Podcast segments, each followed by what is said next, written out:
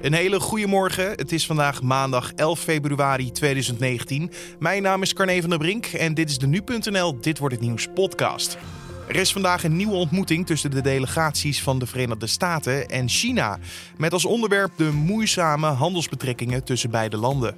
De vraag is natuurlijk: komt er binnenkort een einde aan de handelsoorlog? En kan deze situatie misschien nog gevolgen hebben voor Nederland en Europa? Ja, Europa en Nederland gaan er last van krijgen. Zeker als het verder escaleert.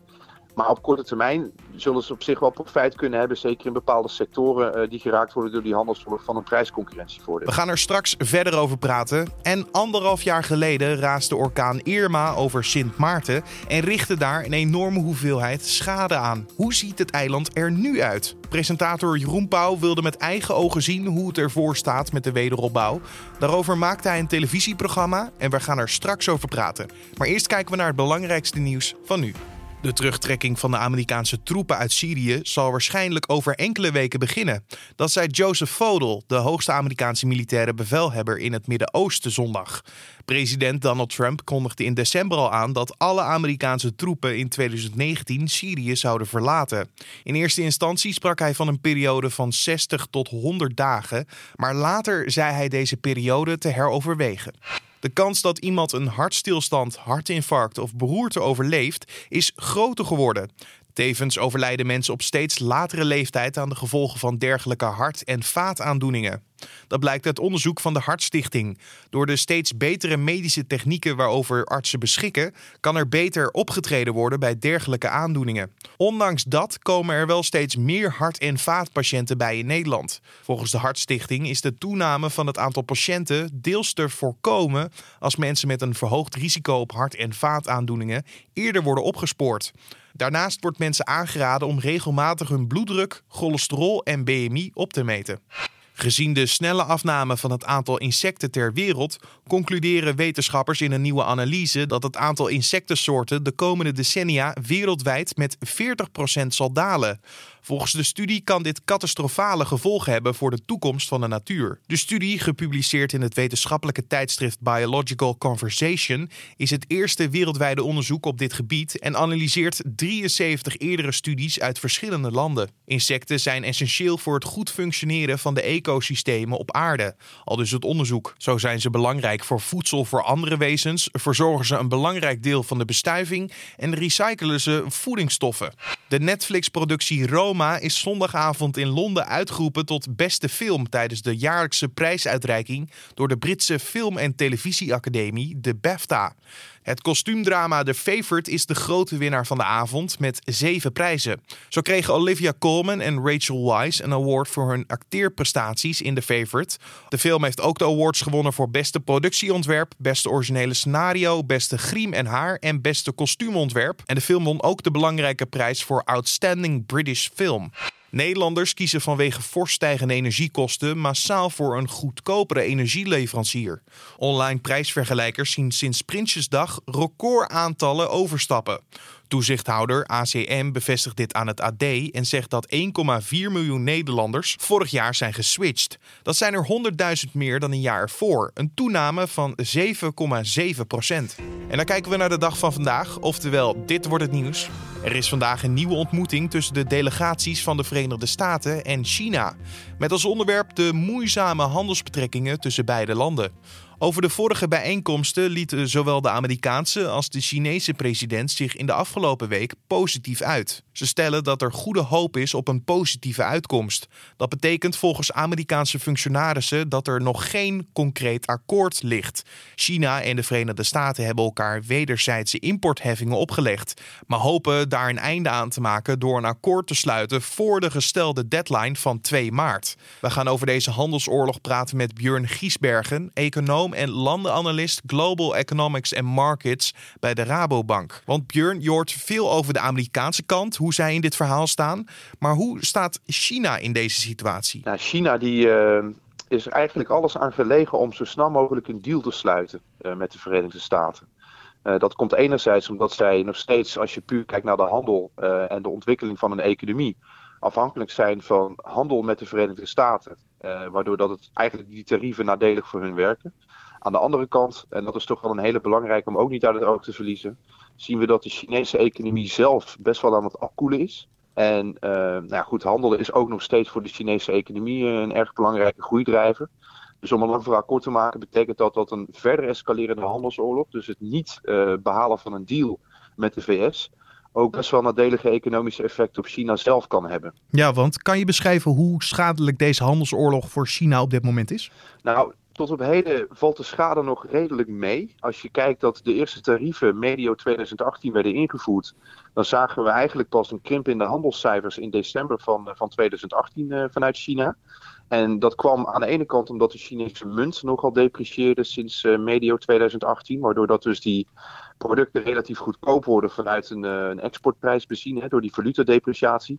Aan de andere kant uh, werd er ook wat, werden er ook orders naar voren gehaald. Bijvoorbeeld de Amerikaanse importeurs, waardoor dat die handel ook nog wat op peil bleef. Dus de schade valt op dit moment nog mee. We zien wel dat het sentiment natuurlijk uh, ja, zichzelf nadelig ontwikkelt. En dat ook investeringen wat meer on hold worden gezet.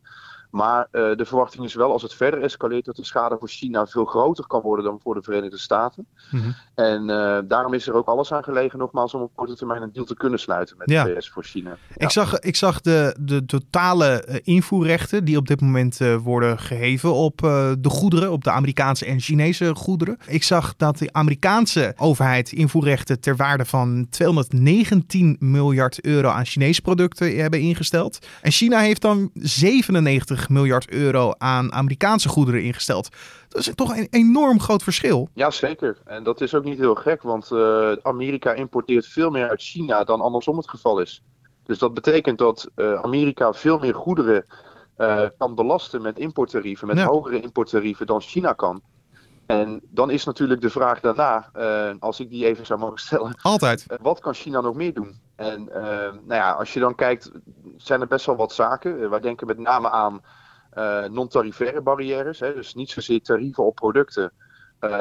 maar ja, non-tarifaire barrières, dat kan gaan over veiligheids- en security- en hygiënechecks voor Amerikaanse bedrijven.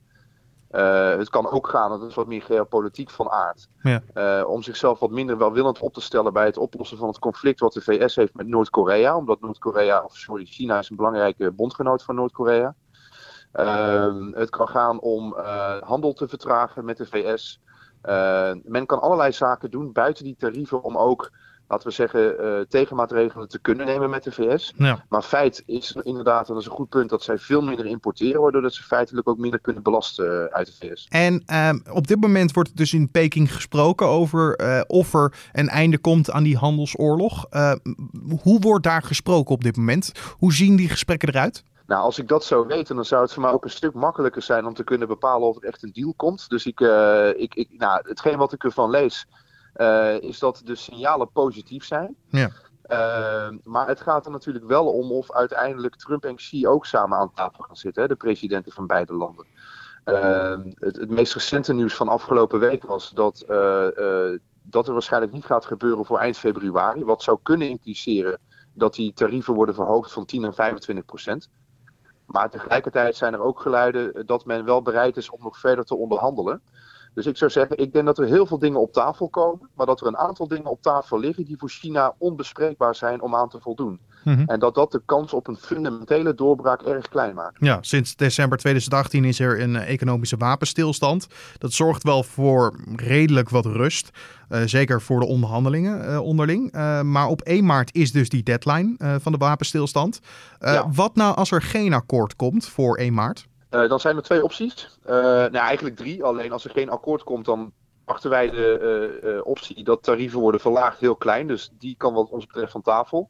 De twee opties die dan overblijven is aan de ene kant dat men besluit... nou, er is op zich wel enige vruchtbaarheid om verder te gaan met onderhandelen. Dat doen we dan ook.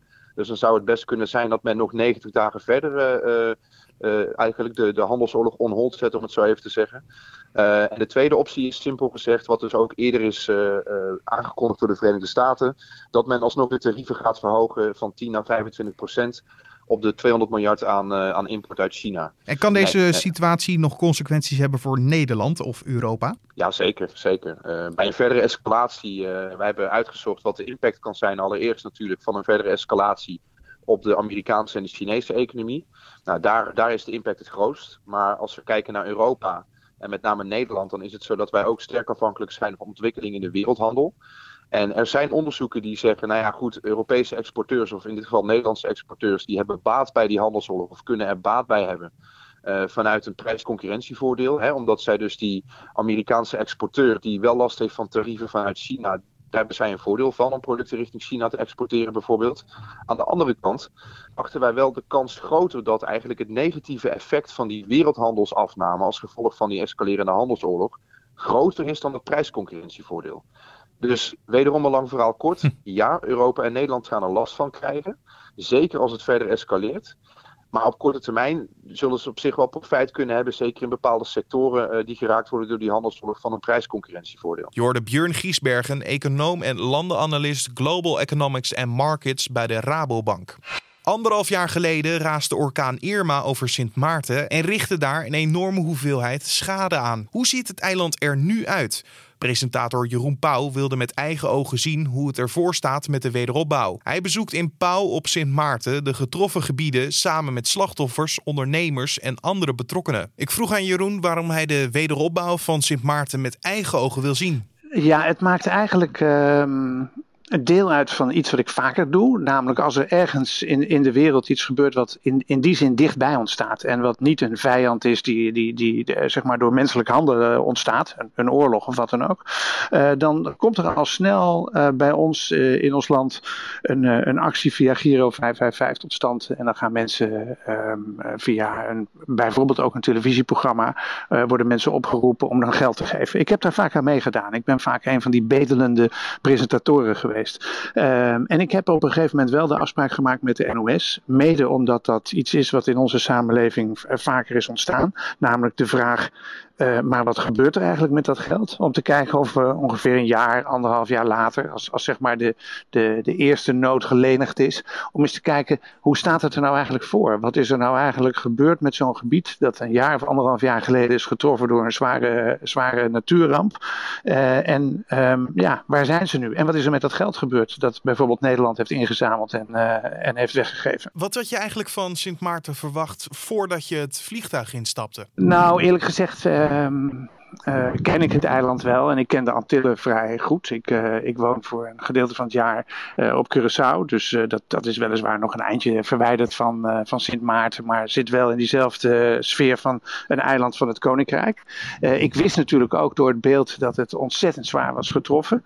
En in die zin uh, viel het mij, uh, laten we zeggen, in eerste aanzicht heel erg mee toen ik aankwam. Er is al ontzettend veel gebeurd. Je moet je voorstellen dat zo'n eiland als uh, Sint Maarten, waar zo'n 40.000 mensen wonen op het Nederlandse gedeelte, wat zo groot is als, ja, het is het Schiermonnikoog, als dat helemaal is weggeblazen, en dat was het bijna, dus bijna alle daken waren van de huizen af, of andere delen van huizen waren wel vernield, dan is er al ontzettend veel gebeurd. Want het is een ja, het is een eiland. Um, het is dus niet een plek waar elke dag op een, op een centraal station goederenwagons aankomen met, uh, met materialen. Het is een eiland dat getroffen werd, terwijl alle omringende eilanden ook allemaal getroffen waren. Dus het is ook niet zo dat vanuit die omringende uh, landen er heel snel bouwmateriaal die kant op kwamen, want dat hadden ze ook zelf allemaal nodig. Het is een eiland dat die bouwmaterialen ook niet heeft, natuurlijk. Het is niet, er staan daar geen bo bossen met bomen die je omzaagt en je hebt een, uh, planken,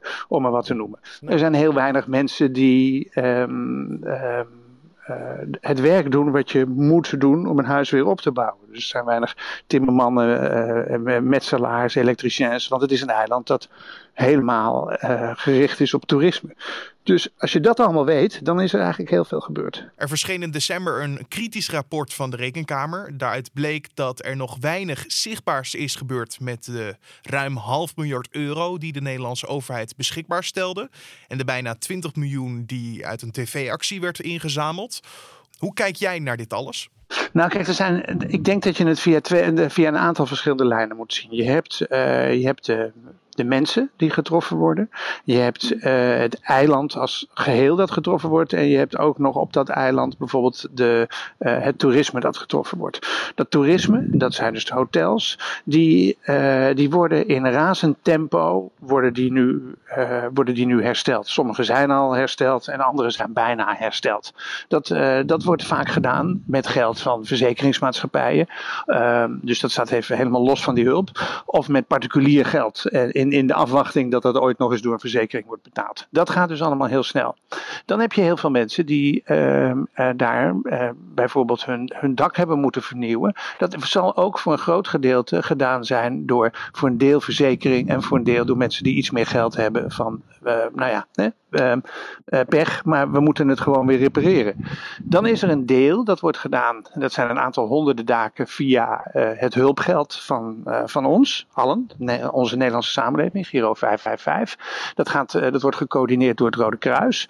Ook dat gaat ehm, goed, maar langzaam, te langzaam, vindt het Rode Kruis ook zelf. En dat komt omdat zij, wat ik net eigenlijk al zei ook, te weinig gebruik kunnen maken van, van mensen die zo'n dak kunnen maken. En ook lang hebben moeten wachten op het beschikbare bouwmateriaal.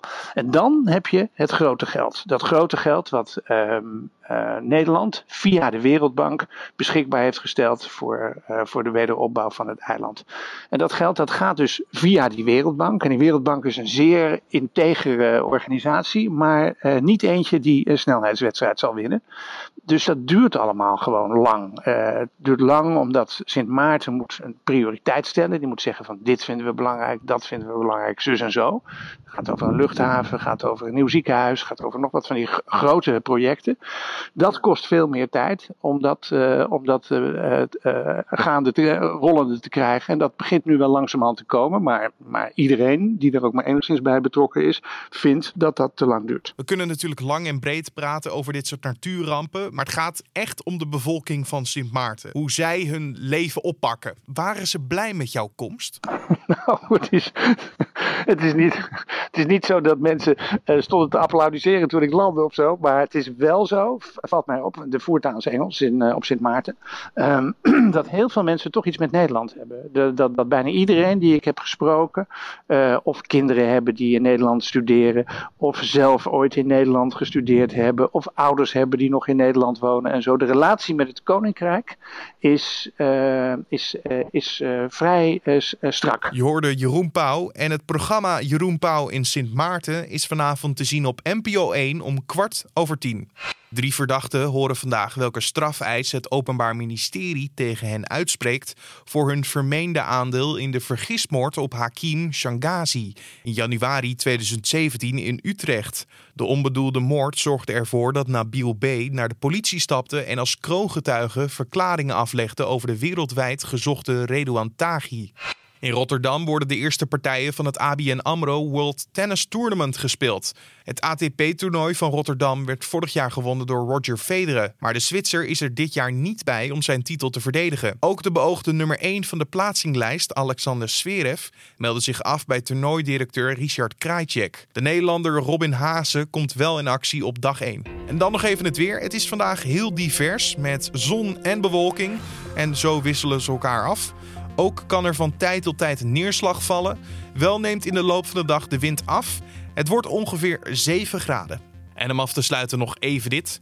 In het derde seizoen van Genius, dat is een serie van National Geographic, zal de vorig jaar overleden zangeres Aretha Franklin centraal staan.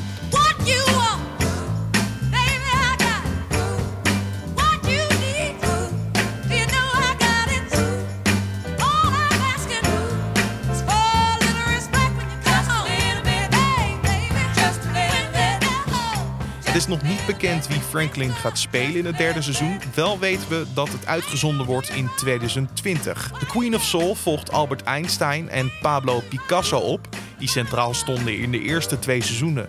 De briljante Duitse wetenschapper Einstein werd gespeeld door Jeffrey Rush. En de eigenzinnige Spaanse schilder Picasso werd vertolkt door Antonio Banderas.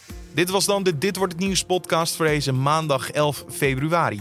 Je vindt de podcast natuurlijk elke maandag tot en met vrijdag om 6 uur ochtends op de voorpagina van nu.nl. En je kan ons laten weten wat je van deze podcast vindt in een mailtje naar podcast.nu.nl of een recensie in iTunes. Mijn naam is Carne van der Brink. Voor nu een hele mooie maandag en tot morgen.